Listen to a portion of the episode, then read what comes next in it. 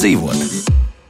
Esiet sveicināti, kā labāk dzīvot, esam ar jums. Studijā Kristiāna Lapiņa, rēdījuma producenta Loreta Bērziņa, bet pie skaņu pults Rita Karnača. Saka, ka māja sāks ar pirmo stāvu, tā noteikti ir, un savukārt runājot par cilvēku organismu, laikam jau mūsu ķermenī nav nevienas mazsvarīgas vietas vai orgāna vai kādas orgāna sistēmas, bet tomēr ir kāda medicīnas nozare, kura saskaras ar cilvēku kautrību un ar nespēju runāt pašiem par sevi. Šodien runāsim tieši par to, kā palīdzēt palīdzēt tādās situācijās, kad reizēm ir grūti atzīt pašam sev, ka ir problēma. Proti, mēs runāsim par proktoloģiju, kuru joprojām uzskata par tiešām ļoti, ļoti delikātu medicīnas nozari, kaut gan tā ir milzīgas un plašas iespējas. Un par proktoloģijas niansēm un arī par veidiem, kā palīdzēt pacientiem, mēs šodien runāsim ar Lāzera medicīnas klīnikas proktoloģijas nodeļas vadītāju ķirurgu proktologu Aigaru Mārtinsonu. Sveicināts! Labrīt, labrīt! Un vēl mēs arī esam aicinājuši piedalīties sarunā Lāzera medicīnas klīnikas ķirurgu proktologu doktori Intu Bruņinieku. Sveicināts! Labrīt. Jā, nu tad eh, ķirurgi ir klāt, eh, klausītāji arī klausās, un noteikti šī ir tā reize, kad var uzdot savus jautājumus un patiesi arī nu, pārvarēt kautrību, jo tas ir absolūti anonīmi, un ja kādam cilvēkam ir kāds jautājums, par ko viņš gribētu kaut ko zināt vairāk un grib to noskaidrot, tad, nu, man liekas, īstais brīdis to darīt. Bet eh, man jautājums būs vispirms doktoram Mārtiņsonam, un es gribētu jautāt tā, ar ko tad mūsdienās nodarbojas proktoloģija, jo pati nozara jau arī ir attīstījusies, un varbūt ir vērts atgādāt, atgādināt vēlreiz, cik plašs tad ir tas spektrs, kā ir iespējams palīdzēt pacientiem. Kas tad īsti ir šodien proktoloģijas redzes laukā? Uh. Proktologs pēc savas būtības ir dakteris, kas ārstē taisnās zarnas slimības. Proktas tas grieķiski nozīmē taisno zarnu, un tāda loģija, tātad zinātne, kas ārstē šīs kaitas. Pēc savas specializācijas, pamatspecialitātes parasti tas dakteris ir ķirurgs, un proktoloģija ir ķirurģijas tāda apakšnodara, kas ar to nodarbojās. Kas tad gaišākā skaidrs? Varbūt nākamajā šajā jautājumā varbūt uzreiz. Tātad tās ir jebkuras saistās zarnu saslimšanas, ko mēs varam teiksim, izārstēt. Un, protams, arī izmeklēt. Proktoloģijas pamats, pamats ir saruna, tā kā pie jebkura parasta daktera, un arī izmeklēšana. Nu, tas apmēram īsumā par šo jautājumu. Jā, tas būtu īsumā, bet uh, tomēr proktoloģijas apjoms, uh, kur var nu, iesaistīties ārsts, proktologs un ko var atrisināt, laikam tomēr ir plašāks. Varbūt doktoram Intam Bruņiniekam arī ir kas piebilstams par proktoloģijas nu, apjomiem, ja tā teikt. Jā, proktoloģijas apjomi ir diezgan lieli. Saslimšanas ir bieži sastopamas, tāpat ir hemoroidālā saslimšana. Ir diezgan bieži sastopama vecumā, pēc 50 gadu vecuma pacientiem, varbūt cilvēkiem, varbūt pat līdz 50% populācijā sastopama kaut kāda hemoroidālās slimības, kaut kādas pazīmes. Un, nu, jā, pamatā proktologs ir tas, kurš nodarbojas ar šīm labdabīgajām taisnās zemes saslimšanām, ar viņu ārstēšanu, diagnostiku. Uh, varētu būt pat arī diezgan liela loma ir arī onkoloģisko slimību, slimību diagnostikā. Proktologs būtu uh, tas speciālists, pie kura pirmā vēršās uh, pacients, kurš varētu veikt kādu skrīningu un, un tālāk jau novirzīt pie atbilstošiem speciālistiem. Jā, bet varbūt jūs varat arī ilustrēt, eh, kas ir tās biežākās problēmas, ar kurām pacienti vēršas tieši pie jums? Pacients visbiežāk vēršas pie mums saistībā ar sūdzībām par asiņošanu no taisnās zarnas, par, par sāpēm, par diskomfortu, anālās atveres apvidū. Un e, otra liela proktoloģijas sadaļa ir vēdera izējas traucējumi. Parasti tie ir aizcietējumi, problēmas e, nokārtoties, un, un, tās tās pamatsūdzības, ar kurām vēršās pie mums. Jā, nu tad eh, man eh, doktori, doktori Mārtiņsonam tagad atkal jautājums. Sakiet, kāds ir nu, tas sadalījums, ja tā var teikt, jo nu, droši vien cilvēku priekšstat arī par proktoloģiju varētu ļoti, ļoti atšķirties, bet proktologs var palīdzēt gan vīriešiem, gan sievietēm. Varbūt jūs varat vairāk raksturot eh, nu, tās problēmas, kuras ir sastopams vienam otram dzimumam, vai ir atšķirības, un arī, nu, kur tur varētu būt tādas palīdzības iespējas. Uh. Jā, pamatā kāds tad ir sadalījums. Pacientiem pēc eh, dzimuma, tātad vai nu vīrieši vai sievietes nāk, nu, izskatās pēc savām pats sev statistikas, mēs uh, varam saprast, ka tās ir apmēram viens pret vienu. Kādas kaitas ir biežākas vīriešiem vai sievietēm. Literatūrā raksta tāpat hemoroidālā slimība, kas, protams, ir teiksim, nospiedušies vairākums no pacientiem, ar ko mums nākas saskarties. Ir mazliet vairāk vīriešiem, taču reāli mēs skatāmies pēc saviem datiem, droši vien apmeklējuma skaits ir apmēram viens pret vienu. Jā. Jāsaka, ka teiksim, ir tādas sievietēm specifiskākas lietas, teiksim, dažādas problēmas sakarā ar pēcdzemdību lietām, ar, ar, ar, ar varbūt traumām pēcdzemdību laikā, kas ir pēc tam sadzījušas un ar, ar laiku mums nāk, sāk nāk, nākties ar viņām nodarboties un tā tālāk. Tas, protams, ir vairāk sievietēm. Taču tā standarta diagnoze, tātad hemoroidāla slimība, taisnās zemes ļoti plīsums, uh, kaut kāda veidojuma, taisnās zemes uh, apvidū, kondilomas, papillomas. Uh, tas ir pamatā, es teiktu, viens pret vienu, vadoties no mūsu, mūsu ikdienas datiem. Jā, tā tad, eh, nu, dāmām arī tad ir iespējams palīdzēt. Droši vien tad arī, nu, Protams. klausītājiem gan jau, ka būs jautājumi arī par to, kas tad Jā. īsti un kā. Un eh, jautājumi jau ir šobrīd. Un viens no klausītājiem jautā tā, man ik pa laikam parādās hemoroīds, bet tad pazūd. Kā rīkoties? Proktologs teica, ka varētu ar lāzeru likvidēt, bet tomēr svārstos, jo tad ir, tad nav un nav tā kā visu laiku, ka traucētu. Nu, doktor Mārtiņson, ko jūs teiksiet? Un varbūt pēc tam doktoram Bruņiniekam arī būs ko piebilst. Jā, nu, skaidrs, ka hemoroīds kā tāds, tas ir asinsvadu paplašinājums, asinsvadu pinums un taisno zeme, kas mums ir visiem, diemžēl daudziem no mums. Ar laiku viņš kļūst lielāks un sāk izpausties kā tā sauktās hemoroidālas slimības komplikācijas. Droši vien, ka pacients vai kungs runāja par to, ka viņam šie hemoroidālie mēsli vai hemoroidālā slimība dod pāstinājumu, tā saucamo iekaisumu. Kad parādās tas pēc veidojums, ja, pacients traktē, ka tas ir hemoroīds, bet tas jau ir iekaisis hemoroīds. Ja mēs gribētu pacientam palīdzēt un, un no šīs te, uh, problēmas viņu teikt, atsvabināt, tad vajadzētu kaut ko darīt ar tiem hemoroīdu audiem, lai viņi paliktu mazāk. Un tās ir operācijas vai manipulācijas. Nu, viena opcija, protams, ir šī te, uh, lāzera proktoloģija, kas ir diezgan moderna un labiem rezultātiem. Bet kā tieši tas notiek? Varbūt jūs varat sīkāk mazliet aprakstīt, jo arī nu, tur varētu rasties jautājumi, kā tas ir. Un, tā tiešām ir tāda nu, ķermeņa vieta, kur nu, diezgan sarežģīti varētu būt tur piedzīvot kādu, kādu, kādu diskomfortu. Kā tieši tas notiek? Ja runā par, par to, kā jātiek līdz diagnozē, pirmkārt, tā ir, protams, tikšana līdz diagnozē. Varbūt sāksim ar to ļoti īsi. Tā, tā, tā ir saruna kā pie kura pacienta ar ārstu. Tad pēc tam ir, protams, proktoloģiskā apskata, ka mēs pēc no zāles paskatāmies uz pirkstu. Tas ir lubrikants, kas atsāpina un, protams, vienreizēji lietojamies uh, cimds. Ja, un seko pirkst, ar pirkstu apskati. Pēc tam ir apskata tāda maza trubiņa, zinātniski to sauc par proktoskopu. Bet, principā, tas ir varbūt drusku nesāpīgi, bet uh, drusku nepatīkami, bet nesāpīgi. Jā, un tad seko, protams, diagnozes uzstādīšana. Jā, ja tā ir hemoroidālā slimība, tad viena no opcijām ir tā sauktā mazinvazīvā proktoloģija vai pusķirdiskās metodas. Kas sev ietver uh, lāzera metode, kas ir ietver anestēzijā, taisāms, jā, apmēram 5-7 minūšu uh, darbs. Pacients pēc tam var iet mājās, piedalīties visās aktivitātēs, pēcoperācijas periods ir diezgan minimāls. Protams, ir arī citas tā sauktās pusķirdiskās metodas, kā gumijas uh, grezena aplikācija, skleroterapijas injekcijas vai citas. Ja? Protams, ja slimība ir ielaistāka, tad jau ir operācijas. Operācijas ir to, ka pamatā tas ir tomēr anstogu līdzdalība. Tātad vai nu, vai nu spinālā vai īsa piemidzināšana anestēzija. Ja? Un, protams, tas ir visticamāk dienas stacionārs. Vai tādos gadījumos, protams, pacientam jāliekas slimnīcā. Tas īsumā. Jā, bet eh, tad, nu, tas laiks noteikti varētu būt atšķirīgs, bet nu, katrā ziņā ar to varētu arī tad, uh, rēķināties. Varbūt doktoram Bruņiniekam arī vēl kas piebilstams ir nu, hemoroīda gadījumā cilvēku raizējas.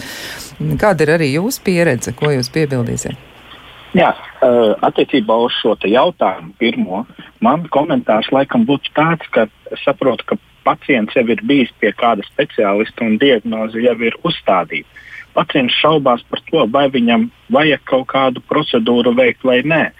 Tad eh, šeit mans, eh, mans ieteikums, mana rekomendācija ir pacientam ir, ir, ir jāsaprot, ko viņš iegūst ar šo procedūru. Ja šādi pārsinājumi mezgla izkrišana ir, ir bieži, reizi mēnesī, reizi divos mēnešos, tad mēs te runājam par dzīves kvalitātes uzlabošanu. Ar procedūras, jebkuras procedūras palīdzību mēs likvidējam problēmu un e, pacientam šie pārsinājumi nebūs. Ja šādi pārsinājumi ir nezinu, vienreiz piecgadē, tad varbūt tas nav tik, tik aktuāli. Bet, ja pārsinājumi ir, kā jau teicu, salīdzinoši bieži, tad e, ar maz invazīvas e, metodas palīdzību mēs to varam sakārtot. Jo stadija, hemorāģālās slimības stadija ir mazāka, jo mēs ar mazāku traumu to varam sakārtot. Un eh, gan, Lat gan pasaulē, gan Latvijā ir diezgan liels šo mazinvazīvo procedūru klāsts, ko dr. Martinsons jau arī uzskaitīja. Tad jautājums ir, ir nu, arī par metodes izvēli. Tad jāskatās, kuram speciālistam ir cik liela pieredze ar konkrēto metodi, eh, cik viņš labi pārvalda šo metodi. Tad, ja kura metode Eh, pieredzējuša laba speciālista rokās būs laba metode, lai atrisinātu pacienta problēmu un uzlabotu viņa dzīves kvalitāti. Jā, un vēl arī jautājums par to, ko tad varētu cilvēks izdarīt pats un mazliet pasteidzoties uh, uz priekšu. Ja te, nu, te, jo man likās, ka par, par profilaksi vai tādām lietām, kas uh, būtu darāmas pašiem, to mēs varētu atstāt uz raidījumu otru daļu, bet tomēr klausītāji jau ir iesaistījušies un viņiem ir nu, idejas par to, ko varētu darīt profilaktiski, lai novērstu kādas problēmas. Jo jūs minējāt, ka ir arī vēdera izējas traucējumi, un tā ir tāda vesela grupa ar problēmām, kuras jūs arī cenšaties palīdzēt pacientiem atrisināt. Un viena no klausītājām raksta tā, nu, mm, viņi mūs aicina pastāstīt par veselīgas taisnās zarnas priekšnosacījumiem, eh, kā lietot uzturā, ko lietot uzturā, kā uzlabot situāciju. Tas ir viens jautājums. Un otrs jautājums ir eh, par tādu tehnisku palīgu ierīci eh, vai kāpslis, ko daudz izmanto Japānā un Āzijas reģionā, lai uz to lec vairāk pozīcija būtu tāda, nu, tā kā tupus sēdošais stāvoklis, vai to ir ieteicams lietot ikdienā jebkuram? Nu, divi jautājumi. Ko doktori teiks par to, kā var izmainīt uzturu, kas būtu jāievēro, lai profilaktiski novērstu kādu problēmu, kas varētu rasties nākotnē, un tad otrs tieši par to novietojumu. Un tad došu vārdu atkal doktoram Mārtinsonam, un varbūt jūs sākat izskaidrojiet to pirmo jautājumu, un tad doktors Bruņinieks par otru. Tātad, ko tad ēst, ko nēst, kā uzvesties? Jā. Tātad par, par uzturu es domāju, tas ir ļoti būtisks jautājums, jo, kā dr. Bruņnieks pareizi pateica, tad liela daļa no pacientiem pie mums griežas ar to, ka viņiem ir grūtības toltē, tātad pacientiem ir aizcietējumi. Protams, aizcietējumi mm, ir jāārstē ar to, ko mēs jau sākām runāt, tātad Daudz šķidrumu tas ir punkts viens. Par uzturu tātad viss, kas ir no baltiem miltiem, tad principā tā es cietu vēderi, tātad revidējam savu ēdienu kārtu, mēģinam to visu reducēt. Uh, augļi, dārzeņi, tur, kur ir šķiedru ielas. Tas viss būtu, tas viss būtu, būtu pamatēdienu kartē jāiekļauj. Neaizmirsīsim eļļas, augu eļļas ir viens no, viens no, viens no būtiskākajiem vēdera izējas mīkstinātāju faktoriem, ko, ko varētu arī uzturā pielietot. Protams, tās ir vispārīgas, tādas, tādas ko mēs varam pateikt raidījuma gaitā. Protams, ja mēs gribētu sakārtot savu ēdienkārtu līdz galam, tad skaidrs, ka proktologs varbūt nebūtu tas standarta ārsts, pie kā griezties. Pamatā būtu jāgriežās uh, pie uh, uzturspeciālista, tā sauktā dietologa. Varbūt ģimenes ārsts jau izanalizējot konkrēto pacientu, pateiks daudz vairāk. Uh, varbūt arī gastroenterologs. Protams, arī mēs, proktologi, nelieksim savu padomu, kad pacients pie mums atnāks ar šīm problēmām. Tas būtu īsumā par uzturu.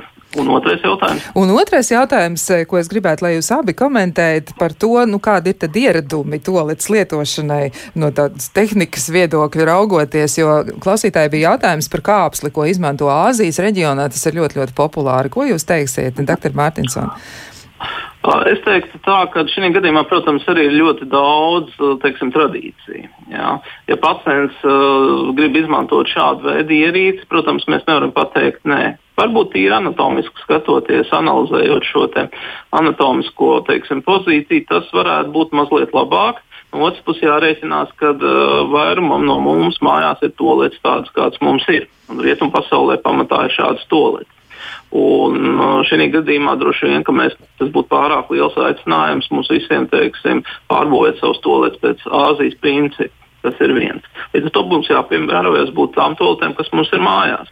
Uh, ko no toaletes apmeklējuma tas cita režīma varētu rekomendēt? Pirmkārt, uh, ir jāiet uz toaleti tad, kad ir tiešām vajadzība to toaleti izmantot. Tolete ir priekš tam, lai izmantot mūsu dabiskās vajadzības, nevis uh, skatīties jaunumus uh, datorā vai, vai, vai mobilajā ietaisē. Jā, un toletē nedrīkst sēdēt ilgi. Jā, toletē ir jāizdara vajadzības, ja viņas iznāk ļoti labi. Uh, bet, ja tas neiznāk, tad vienkārši jāapmeklē toleti vēlreiz. Un vēl kas ir, manuprāt, vēl būtiskāk, papildus ierīce, tā ir tā sauktā bidē tipa tolete. Tā tad vai nu dušiņa, ar kuru var apmazgāties, vai nu atsevišķi bidē pocis, ko es gan rekomendētu, ja kāds taisās remontēt savu toleti, to ieviest. Tas būtu īsumā. Jā, doktor Bruņinie, ko jūs piebildīsiet par Āzijas pieredzi un par ieradumiem, kuri ir mums izveidojušies, vai arī par tradīcijām, kuras iespējams ietekmē mūsu veselības stāvokli, cik jocīgi tas izklausītos?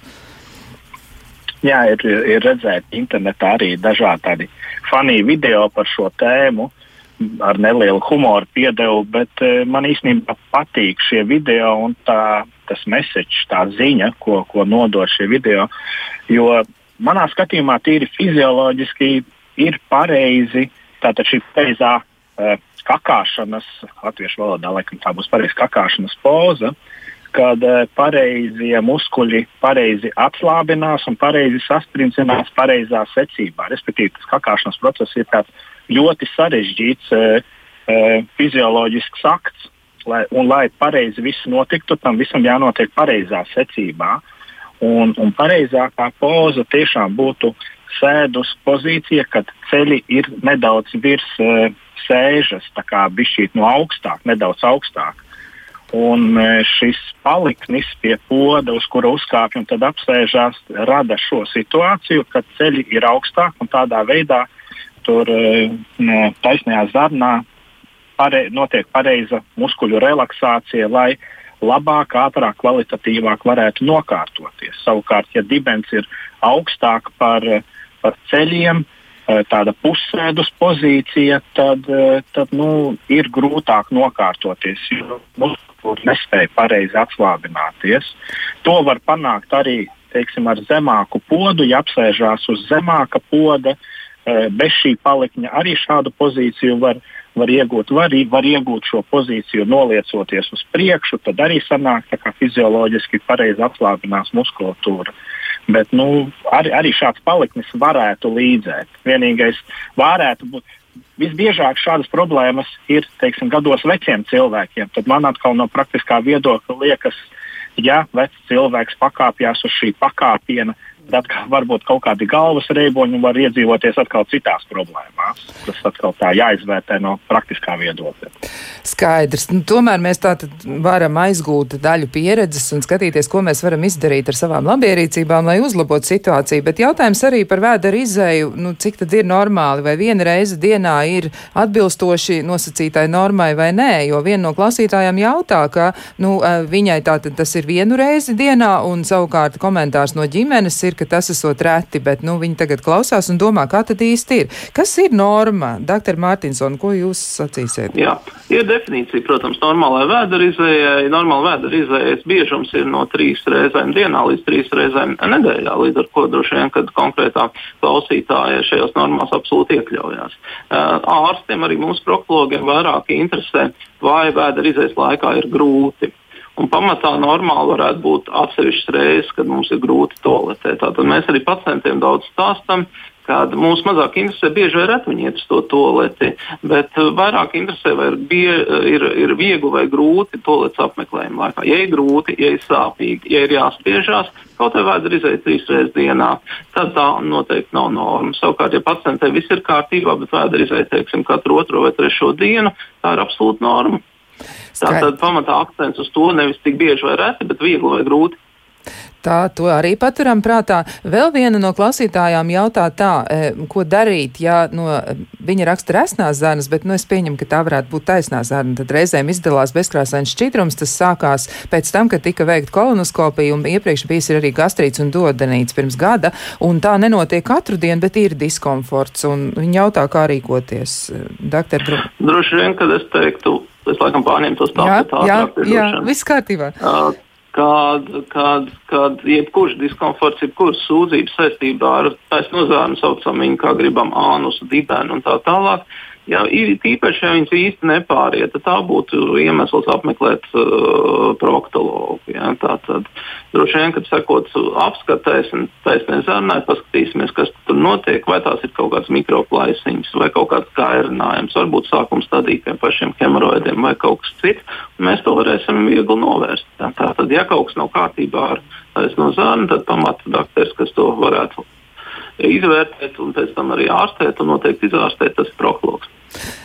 Tātad do, klausītājai iesakām doties pie, pie proktologa, un uh, man arī tie uzmudrināja jūs teiktie vārdi, ka tur diezgan viegli var, izskatās, ka varētu būt arī iespējams palīdzēt. Varbūt nevienmēr tas tā notiek, bet nu, te izklausās, ka to var noteikti atrisināt. Vēl kāds jautājums arī, vai nieza tūpļa apvidū, kas ir vairāk kā gadu, ir iemesls, lai apmeklētu proktologu, jo parazīti ir izslēgti ar analīzēm, vēda ir izēja normāli, un arī veļas mazgājumais līdzeklis ir nomainīts, un tomēr tā nieza ir saglabājusies. Un varbūt šoreiz doktors Bruņinieks, lai atbild, ko tad darīt tādā situācijā. Pacients sūdzās kliente, ne, varbūt jā, varbūt nē, kādā, kādā medicīnas iestādē nākotnē, mm, bet sūdzās par šādu simptomu. Ko darīt?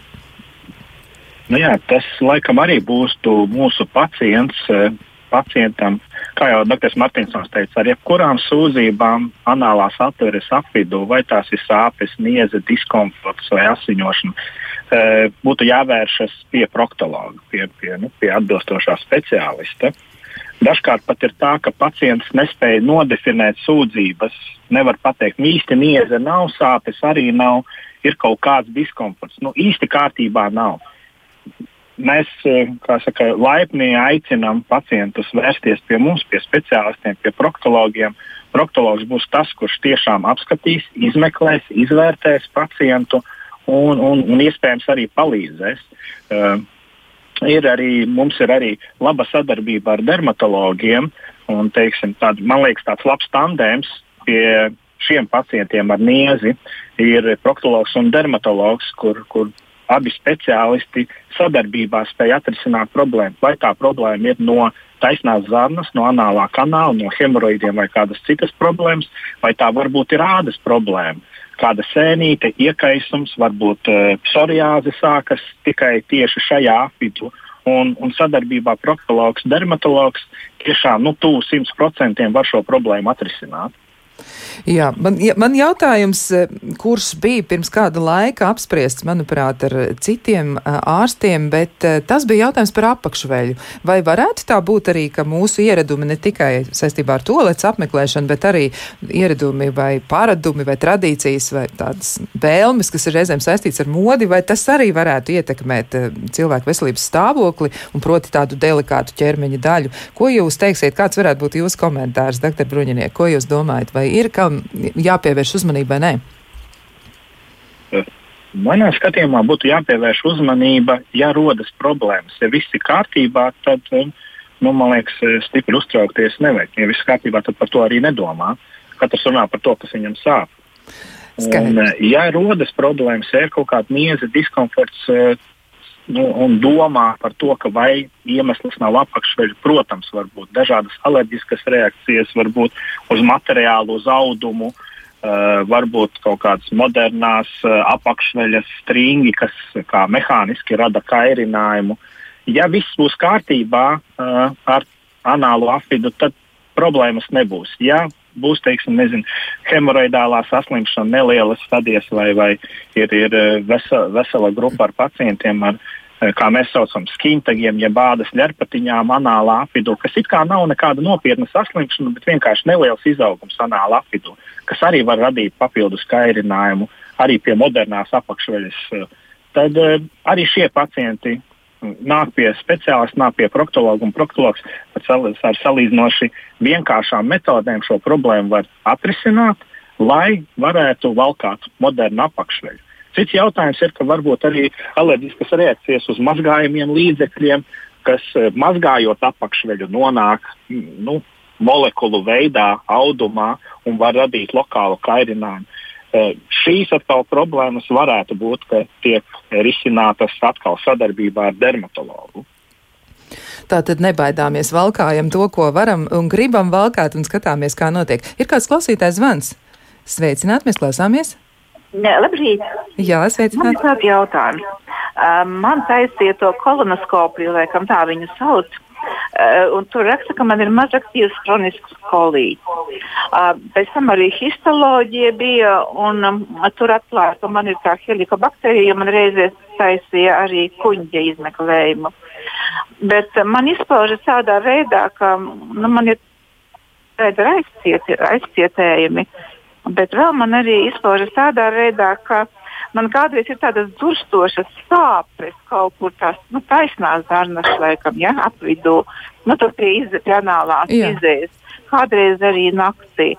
Um, Nezinu, vai par to ir jāuztraucas, vai, vai, vai kas jādara. Jā, jūs man ieteiktu. Paldies! Ko. Paldies par jautājumu. Nu, to arī tūliņ vaicāsim doktoriem, ko tad darīt. Doktor, doktor Mārtiņson, ko jūs domājat, ko, Jā. ko kundzei vajadzētu iesākt? Tā, tad Domāju, ka tā, ka uh, pacientei ir divas lietas, ko mēs varētu atbildēt. Kas uh, attiecās uz konkrēto atradni, ko tad pacientei atrada šo izmeklējumu laikā, tas būtu vairāk droši vien, ka labs ģimenes ārsts vai gastroenterologs ar to tiktu galā, ko tad darīt ar šo kolītu, ko atrada, ko tad darīt ar šo helikobakteriju. Ja? Savukārt par taisno zarniņu, ja ir problēmas, kā jau varbūt atkārtojos, droši vien, ka mēs, uh, es vai kādu man kolēģi labprāt gaidītu pacientu savā kabinetā, mēs izmeklētu pacientu vēlreiz, paskatītos pirkstu nelielu trubiņu, saprast to lietu un saprast, kā tad pacientei palīdzēt. Tad stāsts tā varētu būt gan uh, sākuma stadija kaut kādai proktoloģiskai vainai, teorētiski tā varētu būt arī, arī, arī problēma, varbūt drusku ar mugurkaulu, ar kaut kādām tādām lietām. Jā, bet nu, mēs jau pat eh, par radio to nevarēsim pateikt. Tā kā pacientu laipni aicināt pie kāda no proktologiem. Jā, tā tad jādodas pie ārsta. Mēs sarunu par proktoloģiju, proktoloģijas piedāvājumu, problēmu risināšanā par to, ko tad iesāk kādās situācijās, turpināsim, bet darīsim to pēc īsa brīža.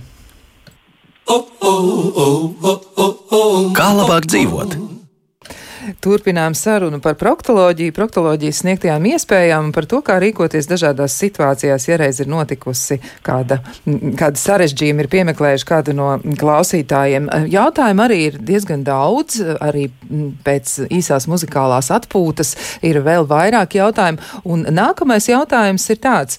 Viens no klausītājiem jautā, pēc tolets apmeklējuma uz tolets papīra konstatēja asins traipus. Jāpiemina, ka iepriekšējā dienā bija fiziska noslodze un jau labu laiku asins traipi nav bijuši bijuši. Kas tas bija? Viņa jautājums ir par to. Doktoram Bruņiniekam šoreiz uzdošu šo jautājumu. Teikšu uzreiz, ka neklātienes konsultācijas laikam nav tas pareizākais. Jā, bet varbūt tu... pacients grib dzirdēt uzreiz diagnozi un ko darīt. Kur, manā skatījumā, jebkurā gadījumā, ja parādās asinis pie vēdera izējas, vai tā ir sieviete vai vīrietis, vai tas ir bieži vai reti, jebkurā gadījumā asinīm tur nav jābūt. Ir jāvēršas pie speciālista, jānāk, jāskatās. Tie var būt hemorīdi, tie var būt neliels plīsums, e, tā var būt arī onkoloģija.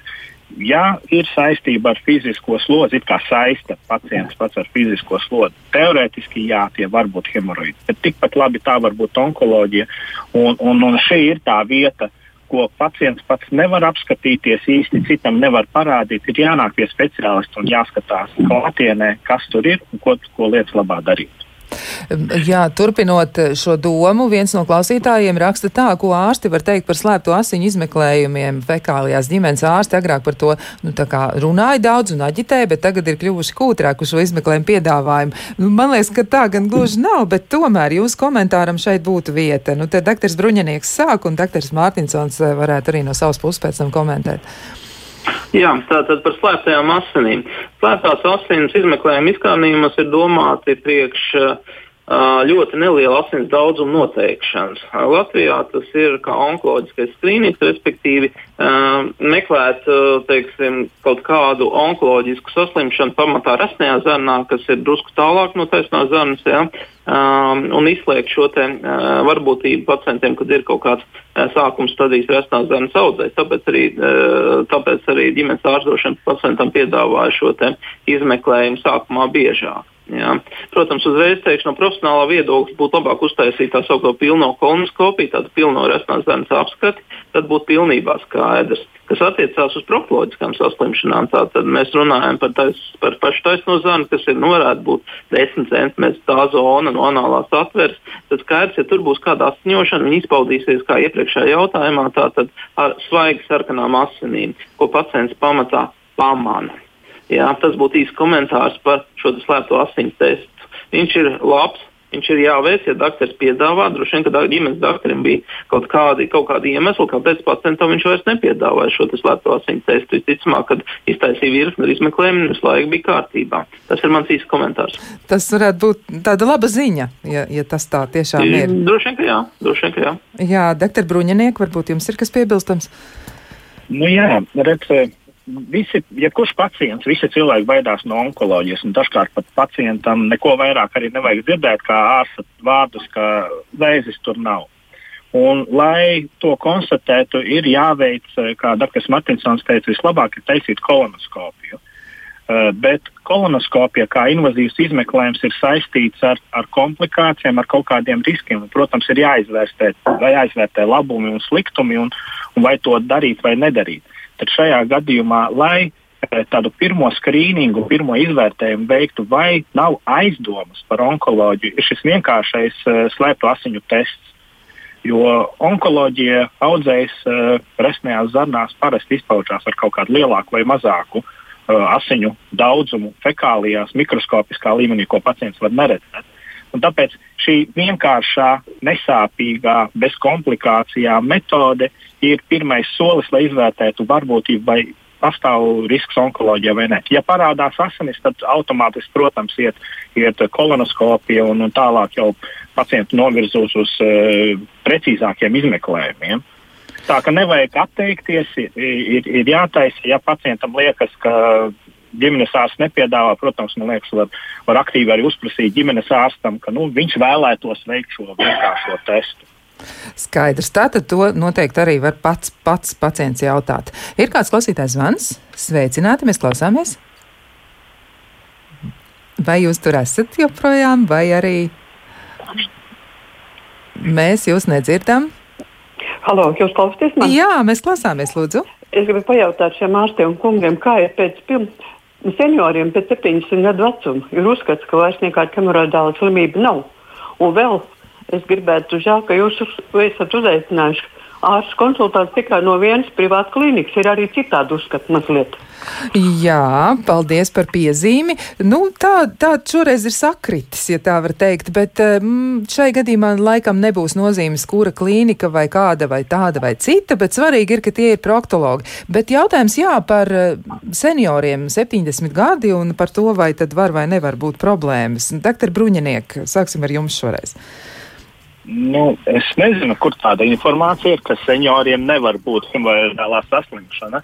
Senioriem var būt, varbūt pat uh, ir tendence senioriem vairāk uh, uz uh, aizcietējumiem, un aizcietējumi var iet kopā, provocēt arī hemorāģiskās slimības uh, attīstīšanos. Uh, Un, e, ir seniori, kuri dzīves laikā nav pievērsuši uzmanību veselībai un nav, nav ārstēti hemorēdālā saslimšanu. Dažkārt pat ir tā, ka uh, seniori nāk ar izteiktām hemorēdālās saslimšanas stadijām. Tur drīzāk jautājums varbūt kolēģiem ir, kuri negrib atzīt, vai tur ir hemorīda vai nē, un negrib ārstēt vecus pacientus. Nu, tas ir cits jautājums, bet, bet hemorīdālā saslimšana ir sastopama arī cienījamā vecumā. Jā, nu, cienījamais vecums būtu jaukāks apzīmējums, jo man šķiet, ka noteikti nav veci vai jauni pacienti kā pacienti, bet jā, droši vien, ka tas ir izcināms jebkurā vecumā un visticamāk arī tas ir jādara. Un savukārt eh, ir arī tādi, nu, jauki komplimenti, tas varbūt tā no otras puses, jo viena no klausītājām raksta, lūdzu pasakiet abiem doktoriem paldies un izsakiet pateicību par to, ka viņi ir, par to, ka viņi strādā un padara mūsu dzīves labākas un visu to labāko abiem viesiem. Nu, ir arī uzmundrinājumi, jo laikam jau tomēr pati tā joma vai problēmas, ar kurām cilvēks saskaras, liek raizēties, un dažreiz ir izjūtas tādas, ka gribas atrast tādu mazāk traumējošu risinājumu. Varbūt tas arī ir viens no izskaidrojumiem, kāpēc cilvēkiem ir grūti reizēm par to gan runāt, gan arī domāt. Bet vēl kāds jautājums no klausītājiem. Eh, viņi aicina jūs komentēt, kādi produkti uzlabo vēdera izēju, un viens no piemēriem ir apēdu dateles, un tas palīdz uz pāris dienām, vai izdzertais ūdens daudzums to būtiski var arī ietekmēt. Un doktors Mārtiņsons teica par ūdeni, ka tur tas varētu palīdzēt, bet arī par, par eh, nu, to, ko vajadzētu varbūt ievērot vēl nu, tāds atgādinājums. Bet pirms jūs to atbildat, es mēģināšu pacelt klausuli, ja ir vēl kāds jautājums, un tad paturēsim šo jautājumu prātā un arī to, ko mums uzdos klausītāji. Sveicināt, mēs klausāmies! Labdien! Sakiet, kādreiz um, pēc dzemdībām bija plīsums, un tagad uh, vai ar lāzerterapiju, ja to izdara, vai var braukt ar autobusu, teiksim, četras stundas līdz mājām. Paldies! Paldies! Paldies par jautājumu! Tātad mēs paturam prātā šo jautājumu, bet vispirms atbildām uz iepriekšējo par uzturu. Ko tad eh, vēlams būtu ievērot bez ūdens lietošanas uzturā un ūdens dzeršanas? Ko vēl vajadzētu darīt, kas varētu palīdzēt nodrošināt tādu labu vēderu izēju un neradīt problēmas? Dr. Mārtiņsona. Jā, nu, mazliet jau pieskārāmies. Tātad ūdens, tomēr šķidrums tas būtu ļoti svarīgi. Mēs visu šķidrumu pat, patērējam mazliet mazāk nekā mums īstenībā to vajadzētu. Otrs, es jau akcentēšu, varbūt otrajā šajā raidījumā drīzāk mēs varētu runāt, ko nevajadzētu ēst. Nevajadzētu ēst visu tā saucamo junk food pārtiku, kas satur daudz ko ogļhidrātus un satur balto miltu produkciju. Tā vietā mēs meklēsim vairāk rupi miltu izstrādājumus ieteiktu augu eļļas, kas ļoti uzlabo vēdera izēju. E, pat ir tāda metode, ka mēs varam mums tīkam augu eļļu, e, teiksim, e, lietot kā ēdam, kurot no rīta tukšā dušā, plus kādu ūdens glāzi uzdzert vai kaut ko tam līdzīgu. Klasiski vēdera izēja uzlabo plūmus dažādos veidos. Uh, nu, un, protams, visi šķiedrvēl saturošie produkti tādā veidā. Tas būtu īsumā. Un vēl arī klausītāja jautājums ir, vai vīno gēšana ar visiem kauliņiem uzlabo zārnu veselību un tās attīra? Ar visiem kauliņiem. Nu, šeit ir divi, divi aspekti. Pirmkārt, šie kauliņi noteikti, kā teiksim, rupi, rupi, salīdzinoši rupi uzturs varētu to visu uh, uzlabot. Mm, nu, no otras puses ir kādreiz dažas tādas atsevišķas skaitas, piemēram, divertikuloze, kad ir tādi sīki iztilpumi jau sigmēdzernā, tas ir iekšā vēderdobumā, nevis anālajā atverē, kur šie kauliņi varētu drusku iesprūst un tā tālāk. Ja ir kaut kādas, teiksim, kaitas, pie kā konkrēts ārsts, kas ārstē šo kaiti nerekomendētu to, tad, tad droši vien ne, bet citādi domāju, ka eh, vīnoksēt ar kalniem nebūtu nemaz tik slikti. Šad un tad varētu. Jā, un otrs jautājums bija par plīsumu. Klausītāja bija noraizējusies par to, ka ir bijis tātad pēc dzemdībām plīsums, un pēc tam arī ir nu, jautājums par to, vai var ceļot autobusā vairākas stundas, un kā tad īsti tas varētu Jā, būt. Tātad. Šajā gadījumā droši vien ir jāskatās divas lietas. Viena ir, ja dzemdībās ir bijuši tā sauktie pēcdzemdību plīsumi, ja, kad saplīst, teiksim, muskulīši, muskuļi, nevis tieši taisnās zemes kļotādi, tad tā, protams, ir nopietnāka proktoloģiska diagnoze, kur jāsastās ar ultraskaņas izmeklējumu šī taisnās zemes muskuļi. Ir gadījumi, kad viņi ir jātaisa nopietnāka operācija, kad viņi ir um, jā, jāsašu, jāatjauno šis te viss, ja, bet arī nopietni simptomi, kā teiksim, nesaturēšana vai ļoti grūta vēdera izēja, kas varētu būt. Tas ir pamatā rezultāts tā sauktiem pēcdzemdību plīsumiem, ka plīs muskuļi nevis pati taisnā zārna. Savukārt, ja mēs runājam par tā saucamo analāzu gļutāts plīsumu, jā, protams, lāzera medicīnā tur ir opcijas. Mēs varam sašpicējot vietā anestezijā viņu drusku piededzināt, ja viņš nav liels diezgan pēc jebkurām dien, dienas stacionāra procedūrām uh, pašai braukt ar autobusu mājās uh, nerekomendēt. Tie ir arī konkrēti ministrs kabineta noteikumi. Ja, teiksim, šī gadījumā arī pacients atnāks pie mums uz konkrētu procedūru, mēs viņai nerekomendēsim pašai braukt ar autobusu mājās. Labāk būtu iesaistīt kādu radu gabalu, kā mēs saucam, šoferi, kas viņu ar auto aizvest uz mājām. Kādu Tas no, būtu īsumā. Kādu no ģimenes aicināt palīdzēt? Jā, tieši tā, tieši tā, tieši tā.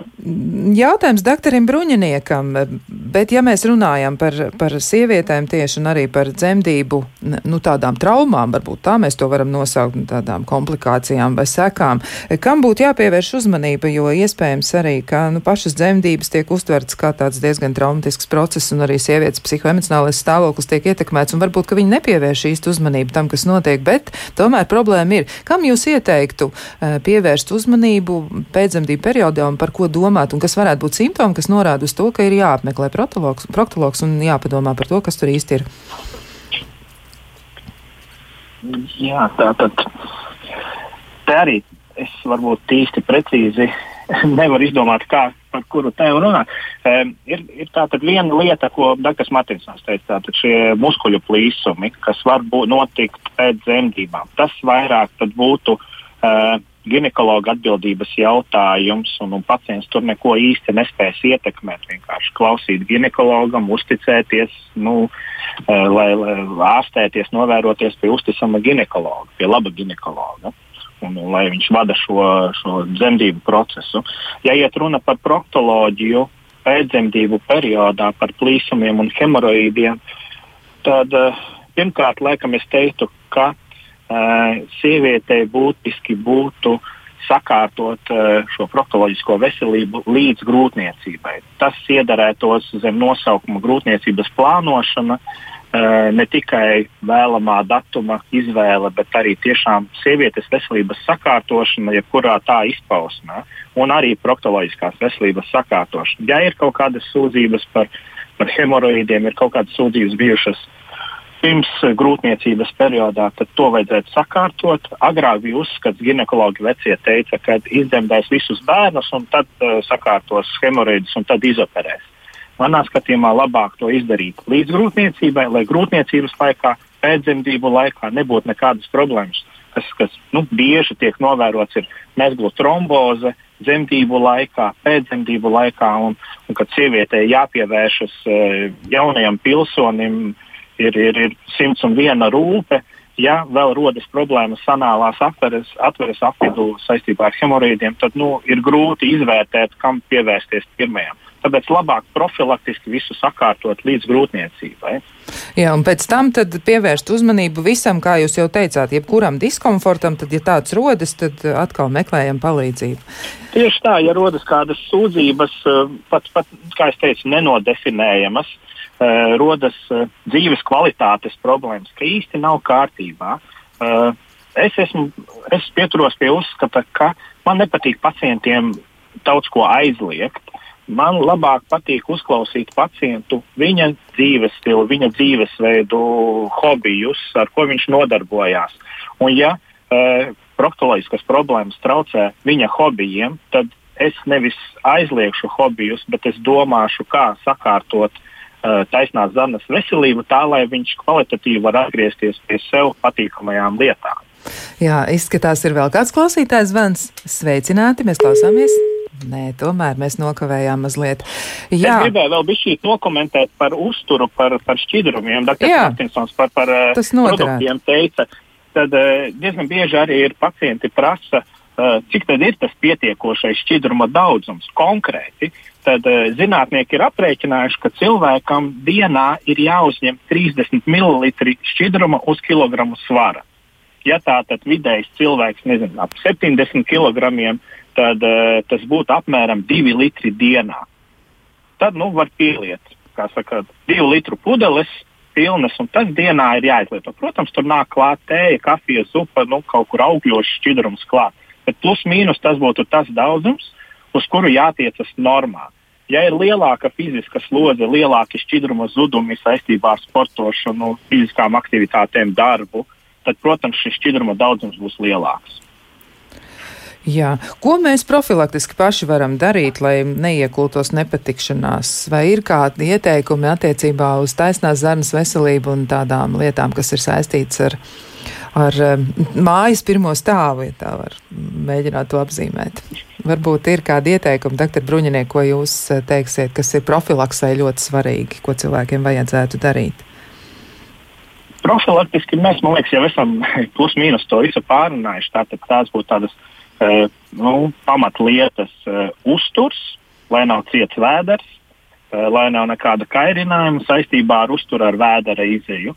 Tā būtu toaletes kultūra, tātad kā mēs ejam uz toaleti, cik bieži, kā mēs tur uzvedamies toaletē, uh, vai kvalitatīvi veicam šo kakāšanas procesu, vai nenodarbojamies ar blakus lietām, lasīšanu, viedo ierīču pētīšanu, internetu sērfošanu. Nu, un, eh, nu, jā, un, un iespējams, ja rodas kaut kādas kaut mazākās sūdzības, tad tomēr vērsties pie, pie speciālistiem un nenodarboties uz, pa, ar eh, pašārstēšanos. Skaidrs, tātad to mēs noteikti ņemam vērā. Liekas, ir vēl kāds klausītājs zvans, nu mēģināsim. Sveicināti, mēs klausāmies! Jā, labrīt! Par to kakašanu procesu no, no personīgas padomas. Vienkārši no paša rīta pirms maltītes uh, izdariet kafiju kopā ar visiem biezumiem, un pēc divām stundām viss jums būs kārtībā. Jā. Bet runājot par uh, praktoloģiju, man bija, sākuma, nu, man bija pašs sākuma jautājums, bet es diemžēl nenaklausījos visu raidījumu līdz, uh, no, no sākuma. Jā. Un tad par vīriešu, par vīriešu veselību. Jā. Nu, esmu nu, diezgan pieredzīgs vīrietis uh, sakarā ar sievietēm, 37 gadi man ir, bērns arī ir, bet uh, šobrīd tā gadās, ka dzīvoju vientuļš, jā, un ne, ne, nav vienmēr sieviete pie, pie rokas, jā, un tad mazliet es aizravos, tā, tā sakot, tā pašu savu egoismu, jā, un tad es nenogaidu nekāda gadījumā, kad man būtu policija vai, vai, vai, vai vēl kaut kas tas panākt, jā. Bet es, par ko ir stāsts? Stāsts par to, ka vai tas nav kaitīgi pārāk ar to lietu aizrauties, jo tie, tieši hormonālajā tāda līmenī, jā, tu jūti tādu tukšumu, ka tu jau to, to, to, to, to sievietes. Bet laikam tas nebūs gluži par proktoloģiju. Nu, Man būs jūs jāpārtrauc. Pārvērtīsim jautājumu citādi, citādi. Vai vispār ir kaitīgi nodarboties ar to, to onanismu vai nav? Jā. Zinat, es nospiedu pogu diezgan strauji, bet man liekas, ka šis ir jautājums, ko mēs noteikti varam pāradresēt citas jomas speciālistiem, un tas laikam nebūs šīs dienas temata ietvaros. Um, izskatās, ka tas būs nu, kaut kas tāds, kas ir jāapspriež droši vien ar seksopatologu, tā iedomājos. Tas varētu būt palīdzības. Visticamāk, jā. Jā, visticamāk, tas varētu būt īstais speciālists. Jā, vēl ir arī komplimenti attiecībā uz. Um, uz uh, ārstiem, arī nu, doktoram Bruņiniekam šoreiz ir kompliments. ja, nu, tas ir ļoti patīkami, ļoti jauki. Bet, bet saturs pats, saturs komplimentam ir, manuprāt, ļoti uzmundrinošs, un tas gan varētu noderēt citiem klausītājiem kā iedrošinājums, jo e, klausītājs raksta, ka biju e, pie viņa uz proktoloģisko izmeklējumu, gan uz ādas veidojumu noņemšanu, un ļoti nu, tāda, nu, tāda procedūra, ko bija iespējams viegli un, un, un iespējami piedzīvot, tas neatņēma ne pašu pašcieņu, ne pašvērtējumu traumē, ne arī kādā citā veidā bija grūti. Ja, tā tad ļoti, ļoti iejūtīga palīdzība. Nu, proktoloģija tiešām ir tā nozare, kur jāsaskaras ir ar cilvēku kautrību. Tā nu tas ir, bet no otras puses mūsu pašu veselības labā noteikti mums tā ir jāpārvar. Gribu teikt paldies eh, abiem ārstiem. Abiem ārstiem, proktologiem, gan Aigaram Mārtinsonam, gan arī doktoram Intam Bruņiniekam par padomiem, par ieteikumiem un arī par uh, nu, tādiem manuprāt, labiem uzmundrinājumiem um, attiecībā uz proktoloģiju. Nu, varbūt viens no jums vēl varētu pateikt novērtējumu, var, nevis novērtējumu, bet novēlējumu klausītājiem, nu, kā saņemties, kā, kā saņemties un aiziet pie ārsta. Varbūt doktors Mārtinsons noslēdz šo sarunu un pasaka tādu vien, vienu teikumu, lai būtu drošāk. Jā, nu liels paldies visiem, gan, gan tiem, kas mūs uzaicināja, gan tiem, kas mūs uh, rūpīgi klausījās un, un uzdeva arī jautājumus. Eh, es domāju, ka ļoti vienkārši, ka eh, proktologs ir tas pats tāds pats ārsts kā citi profili, kā eh, terapeits, kā kardiologs, kā auss kakla deguna ārsts, un ar tādu domu arī jāiet pie šāda speciālista. Tātad tas ir ārsts, kas lietišķi vērtēs jūsu problēmas un lietišķi veids izmeklējums, un vajadzētu uzticēties. Jā, pats pats labākais paldies. novēlējums. Jā, paldies eh, vēlreiz abiem ārstiem, ārstiem proktologiem, savukārt klausītājiem. Mēs varam novēlēt ieklausieties savā ķermenī, un pat ja jūs dzirdat kādu signālu, kas liekas nu, tāds ļoti sarežģīts un arī grūti uztverams, tomēr, tomēr dodieties pie ārsta, nekautrējieties un stāstiet, kas jums skaiši. Noteikti jums palīdzēs. Lai jums gaiša diena!